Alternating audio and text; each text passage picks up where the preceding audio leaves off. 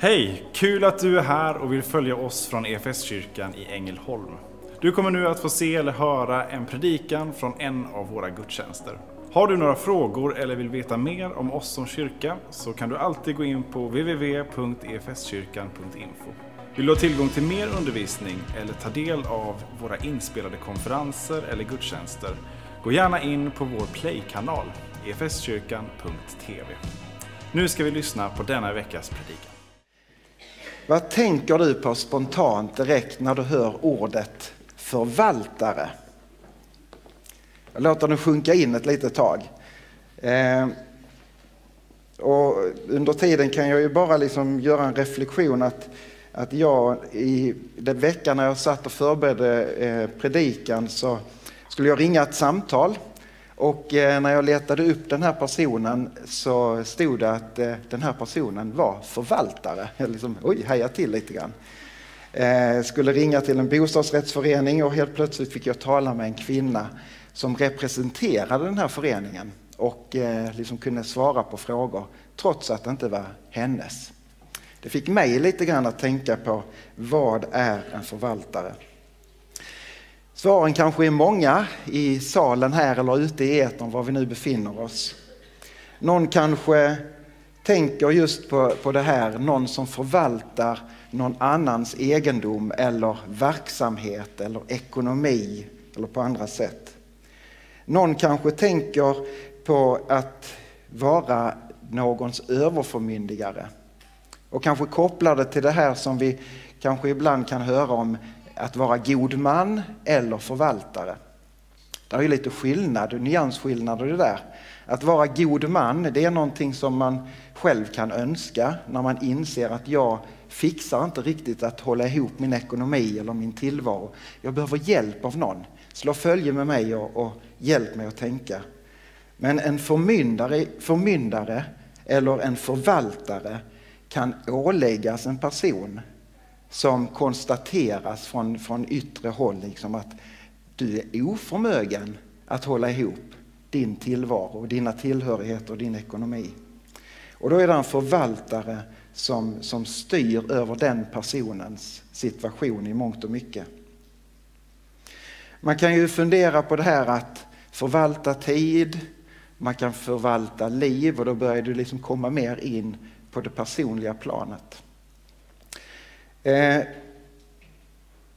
men genomgående i det här så tänker jag att eh, väldigt mycket handlar om att man förvaltar någonting som är någon annans. Kanske inte det jag tänker så att nej, när det gäller mitt liv och min tid, det är ju mitt liv och min tid. Eller min egendom, min ekonomi. Men den här söndagen som handlar om förvaltarskap betonar faktiskt på ett sätt att vi människor är i grunden inte ägare utan förvaltare. I förlängningen så kan man ju nästan tänka att allt vi har som livet rymmer är en gåva som vi har fått ta emot. Och frågan är, hur förvaltar jag den gåvan? Ibland så kan man kanske tänka så här om man har fått en tradition att förvalta som vi har i kyrkan eller en verksamhet att förvalta. Så är det ibland kan jag möta den här reaktionen att förvalta, det är liksom bara, vi bara upprätthåller och liksom håller näsan över liksom vattennivån och det är något liksom ett negativt i förvaltarskap. Men förvaltarskap kan handla om att växa och formera mycket mer än vad vi kanske spontant tänker. Texterna kring den här söndagen är, betonar väldigt mycket detta. Allvaret och ansvaret det är att vara förvaltare. Till exempel så kan vi landa i skapelseberättelsen, alldeles inledningen. Jag ska bara hitta nappen där, rätt in i munnen. Perfekt. Ehm, skapelseberättelsen som talar om Gud som skapar och som blåser sin livsande in i människan och i det ger mänskligheten sin gåva på något sätt. Och så skapar Gud allt underbart i natur och djur och allt vad det nu är. Och som kronan på verket så skapar han människan. Inte till att vara sig själv lika, alltså att människan skapas till sin avbild, utan vi skapas till Guds avbild. Och så får vi ett uppdrag i skapelseberättelsen att råda över skapelsen, att förvalta den, vårda den och på något sätt också formera den. För Gud ger de första människorna uppdrag. Föröka er, bli fler. Och så i förvaltarskapet ligger en tanke att det också är på något sätt en tillväxt. Vi kan också ta del av texterna, bland annat ett par liknelser som Jesus han ger lärjungarna. Och inte bara lärjungarna utan också sin samtid och också ger han ju de här liknelserna till oss. Bland annat så, och när man läser de här liknelserna så kan man liksom först nästan studsa till och tänka men här är ju, det är ju ingen rättvisa i det här och så här och ganska strängt. I Matteus evangeliet så ger Jesus ett, ett antal liknelser när han talar om tidens slut. Och bland annat så ger han liknelsen om talenterna. Och den liknelsen är ju en liknelse, det är ingen faktisk händelse, men, men Jesus vill betona vissa saker genom den här liknelsen. Och så talar han om en rik man, en förmögen man, en extremt rik man, ska man säga, som ska resa bort. Och han anförtror egentligen kanske hela sin förmögenhet till tre stycken tjänare. Och hur väljer man ut dem? Jag tänker jag tar tre pålitliga eh, här liksom och samlar dem. Och så, och så ger han först fem talenter till en tjänare. Och sen så den andra tjänaren får två talenter. Och sen så får det en som bara fick en talent. Men vi ska veta att en talent är inte lite. Det är ju en viktenhet som också blir, kan man kan räkna om till att det skulle motsvara 15-16 årslöner. Så det är liksom inte lite den där, det är inte en krona eller en 10 peng eller en 20 peng, utan det är extremt mycket. Och så får de detta att förvalta och så ger sig den här herren eller eh, liksom ägaren iväg. Och när han kommer tillbaka så ställer sig tjänarna framför och den som har tjänat eller fått fem talenter har förvaltat det på ett sådant sätt så att han helt plötsligt har tio och så ger han tillbaka tio. Och den som hade fått två hade ju förökat, ska vi se om ni kan er bibel, vad tror ni att de hade förökats till? Till? Ja, och vad, så bibelsprängda ni är. Det är jättebra. Men den sista tjänaren kommer fram med en talent. Eller nu är det ju inte så, man bär ju inte en förmögenhet i en hand. Men bär tillbaka den där gåvan, lite jordig och dan, för han hade grävt ner den. Och så säger Herren, Var, varför, har du, varför har du gjort det? Jo, jag var rädd för dig. Du är en sträng mästare. Jag var, jag var orolig att jag skulle liksom eh, tappa pengar på vägen. Men detta är ditt. Och, och egentligen så kan man ju tänka att ja, men det är ju helt rätt. Han ger tillbaka det han fick. Men då säger den här, du kunde i alla fall satt det på banken så att det blev någon liten avkastning. Du kunde förvalta på ett annat sätt. Så tas den gåvan bort ifrån den tjänaren och ges till den som hade förvaltat bäst. Jag tror att det Herren vill säga om det här inte i första hand handlar om pengar och om ekonomi. Man kanske kan läsa in det där också, absolut. Men jag tror att det handlar om så mycket mer och så mycket dyrbarare än vad det handlar om när det gäller om pengar. Jag tror det handlar om livet. Talang, vi har ju olika talanger och det kommer ju ifrån det här ordet talent. Och skulle vi liksom göra den anknytningen som inte är helt ovanligt naturligtvis och tänker helt rätt att få göra så är det, tänker jag så här när jag tittar ut över salen, här sitter en god skara människor med så extremt många goda talanger. Men det är inte så att de är lika i våra liv. Det är kanske de som har vissa likheter men, men vi är alla unika och vi har fått på något sätt olika förutsättningar. Men så är det så lätt att vi tänker så här, som man lätt kan tänka när man också läser den här liknelsen. Ah, hon har fått så, hon, har, hon kan det och det och det och det och sen inte råga på det utan sen så är hon jättebra på det och det och det. Verkar ju ha alla hemma. Och så tittar man på någon annan hand där borta alltså, och så har jag bara mitt lilla. Och så ser man ner på sig själv. Och det jag tror Herren vill säga, jämför er inte. Även du som anar kanske på, eller känner att du har fått lite, har fått otroligt mycket.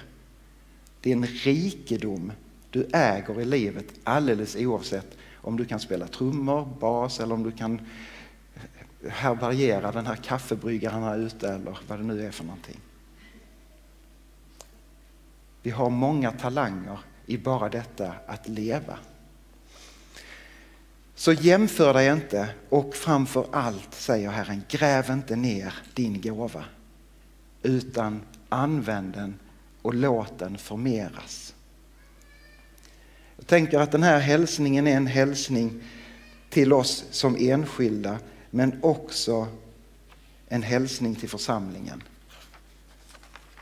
Vår lilla församling är en liten del av världsvida kyrkan. Vi har fått några gåvor. Vi har fått någonting att förvalta och andra kyrkor har fått annat att förvalta. Vi behöver inte jämföra, men var trogen det som vi har anförtrotts. Förvalta det väl och låt det vara ett bidrag till helheten. Och så kan man ställa sig frågan enskilt men också som församling. Hur kan jag leva eller hur kan vi leva eller ge så att det ärar Gud? Hur kan jag eller vi leva eller ge så att det kan peka på Jesus? Så att det kanske väcker tro i en annan människas liv. Hur kan jag eller vi vara med och leva och ge så att Guds rike utbreder sig? Eller att Guds shalom, Guds frid och fred får råda i vår direkta närhet men kanske också ut över hela jorden. Vi har fått mycket att förvalta tillsammans. Och frågan är, är vi goda förvaltare eller är vi dåliga förvaltare? Men jag vill också få läsa den här söndagens saltarsalm tillsammans med er. Och det är psalm 8, en för mig väldigt, väldigt kär psalm som jag ofta återvänder till. Och det är kung David som skriver följande. Herre, vår härskare, väldigt är ditt namn över hela jorden. Jag vill besjunga din himmelske prakt med ett barns, ett dibarns mun. Får vi göra en liten paus där bara? Bara det. Det blev extra tydligt när vi nu fick vara med om dopet och vi fick på något sätt se, det, det här blir det synliga tecknet för, för det här bibelordet. När vi får se Ingrid bäras fram i dopet och, och Gud får göra sitt under i henne. Så är det en, för mig en påminnelse om just detta att livet är en gåva. Det tar vi oss inte utan vi får ta emot det. Och så är det en gåva given in i er familj som ni har fått ansvar för, som ni får förvalta. Och kung David har kanske nyligen erfarenhet av detta att ha ett litet nyfött barn framför sig. Det är ju så underbart, det där barnets joller. Man behöver inte, det kvittar. Jag vet inte vad du säger. Vem, vad menar du med det? Det spelar liksom ingen roll, utan det bara går rakt in och man kan bli helt varm inombords. Du vet, inte det här. Men det kan vara härligt det också. Jag bara försöker intala alla småbarnsföräldrar. Det viktiga är kanske inte vad man säger eller hur man säger, utan att man säger. Tänk att ett, David har den här insikten att ett litet nyfött barn äger det viktigaste. Man kan lovsjunga och ära Gud. Det som på något sätt är livets stora mening. Gåvan är redan lagd där, i det lilla barnet. Och Jesus visar ju också på det när vi läste evangeliet om Jesus och barnen. För oss är det så självklart att barnen ska lyftas fram och barnen ska ha sin plats. Tycker jag, så var det ju inte på Jesu tid, inte på kung Davids tid heller. Barnen räknades inte med. Men Jesus han vänder saker och ting rätt och säger låt barnen komma till mig. Och så låter han dem till och med vara ett exempel för oss alla. Blir ni inte som barn så kan ni inte ta emot himmelriket, ni kan inte komma in. Var beroende, precis som Ingrid är beroende av er så måste vi vara beroende av Herren på alla områden. Nu läser vi vidare. Du har rest ett värn mot dina fiender för att betvinga ovän och hämnare.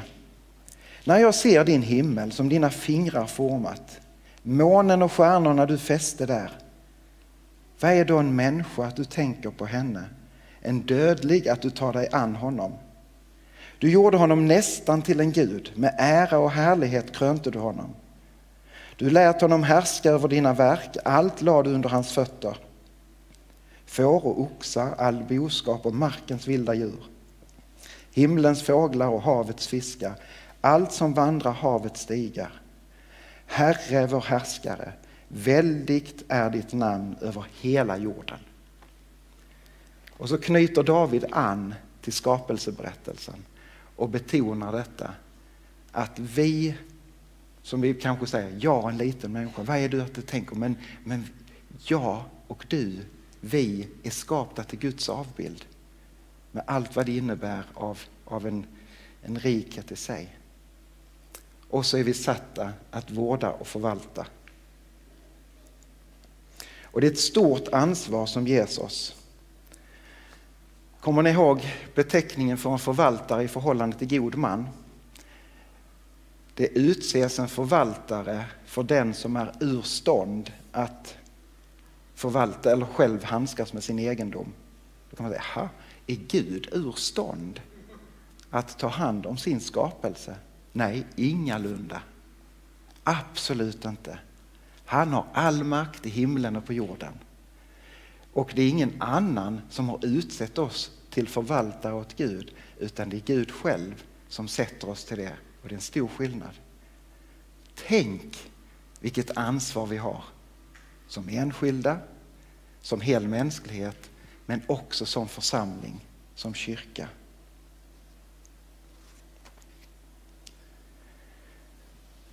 När jag satt med detta så kom jag att tänka på en händelse som inträffade för rätt så många år sedan.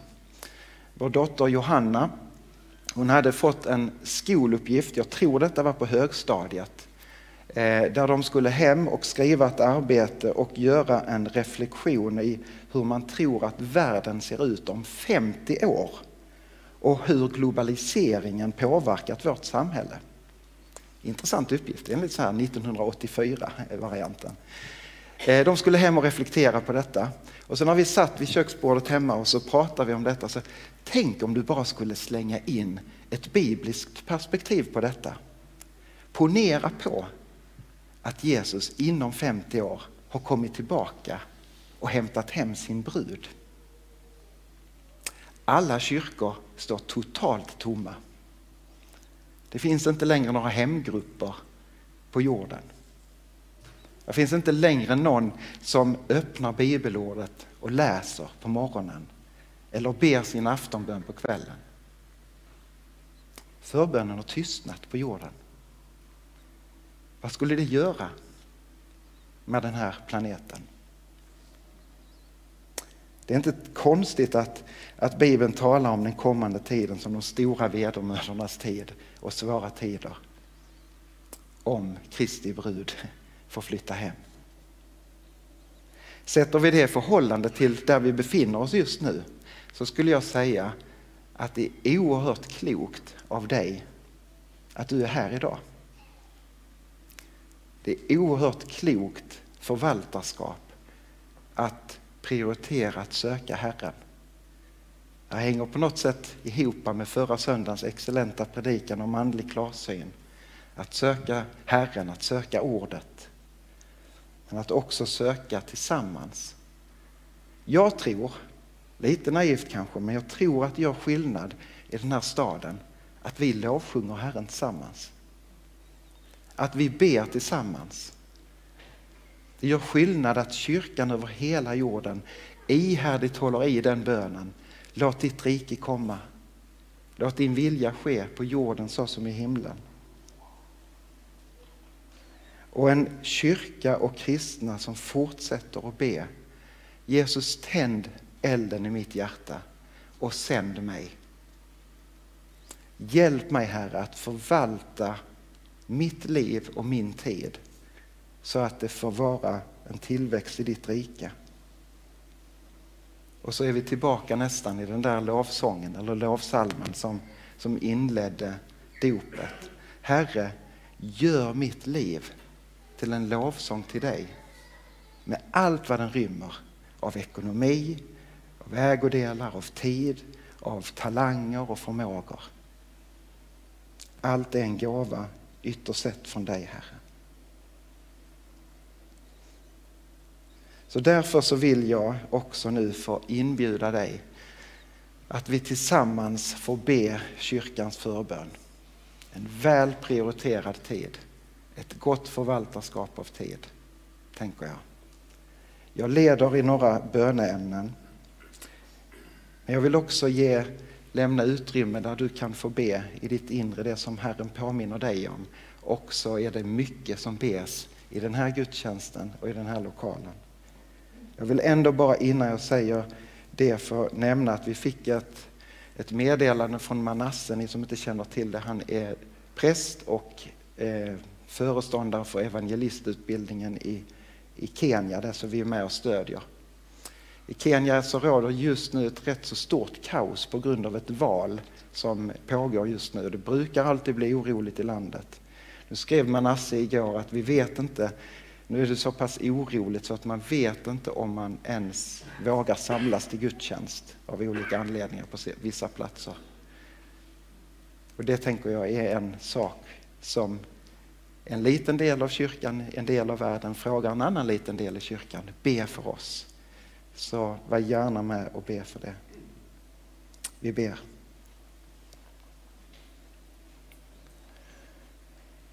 Kära himmelske far, vi tackar dig att vi får vända oss till dig. Jag vill tacka för vilan det är att bekänna sig till dig. Att få bekänna vårt beroende av dig. Och Jesus, där är så mycket som vi kan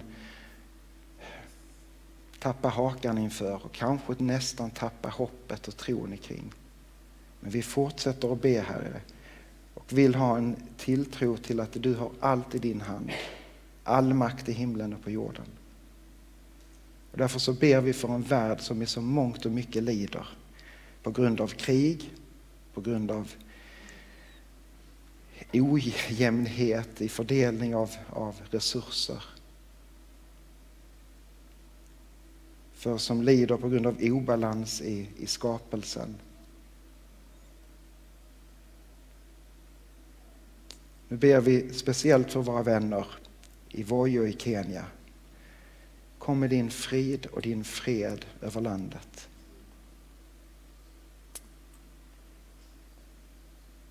Håll din vakande hand över din församling, din kyrka på den platsen.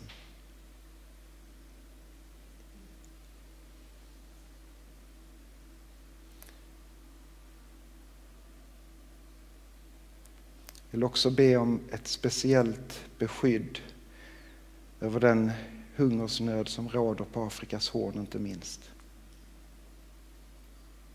Låt ditt regn falla i lagom mängd på rätta platser.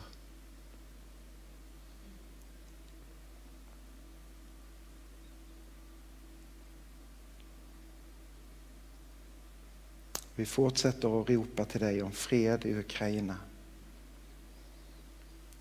men också på alla andra platser där krig råder. Herre, tack för att du hör vår bön.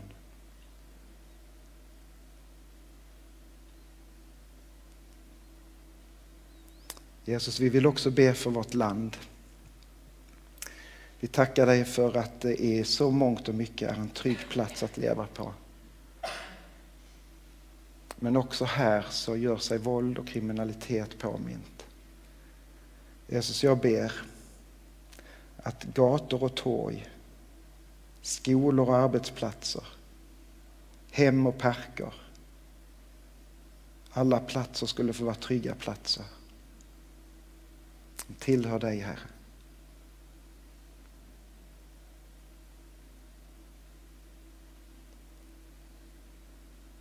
Och Jesus, vi ber också för det val som ligger framför oss här.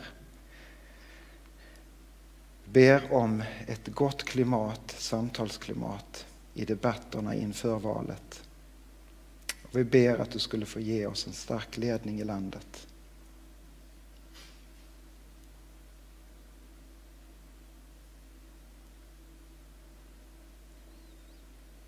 Vi ber också om ett speciellt beskydd över den kristna gruppen som träffas i riksdagshuset. Som går rakt över alla partigränser. Låt det få vara en viktig grupp och deras förbön vara ihållig.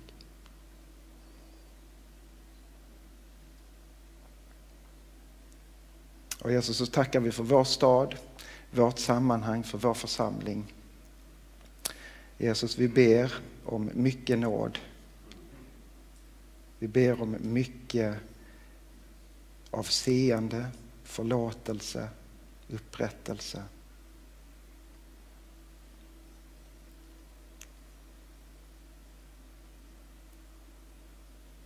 Och hjälp oss att vara del av att erkänna när det blir fel och hjälpa varandra att lägga saker och ting i förlåtelse inför dig och bakom oss och blicka framåt tillsammans och tillsammans med dig.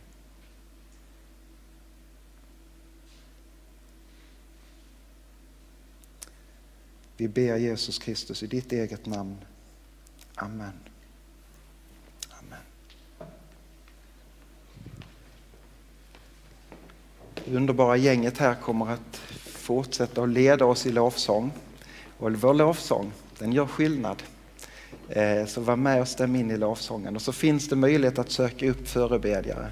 Och naturligtvis får du lov att gå med, med din, vad ska säga, din önskan och med, med ditt behov. Men kanske vi också skulle få låta tonen av den allmänna förbönen få ligga kvar den här stunden. Ha fokus inte bara på dig själv utan lyft fokus på någon annan och andra sammanhang och be till Herren. Som kyrka är det en glädje att få spela en liten roll av allt Gud gör i och genom ditt liv. Vi vill gärna fortsätta följa dig på den resan.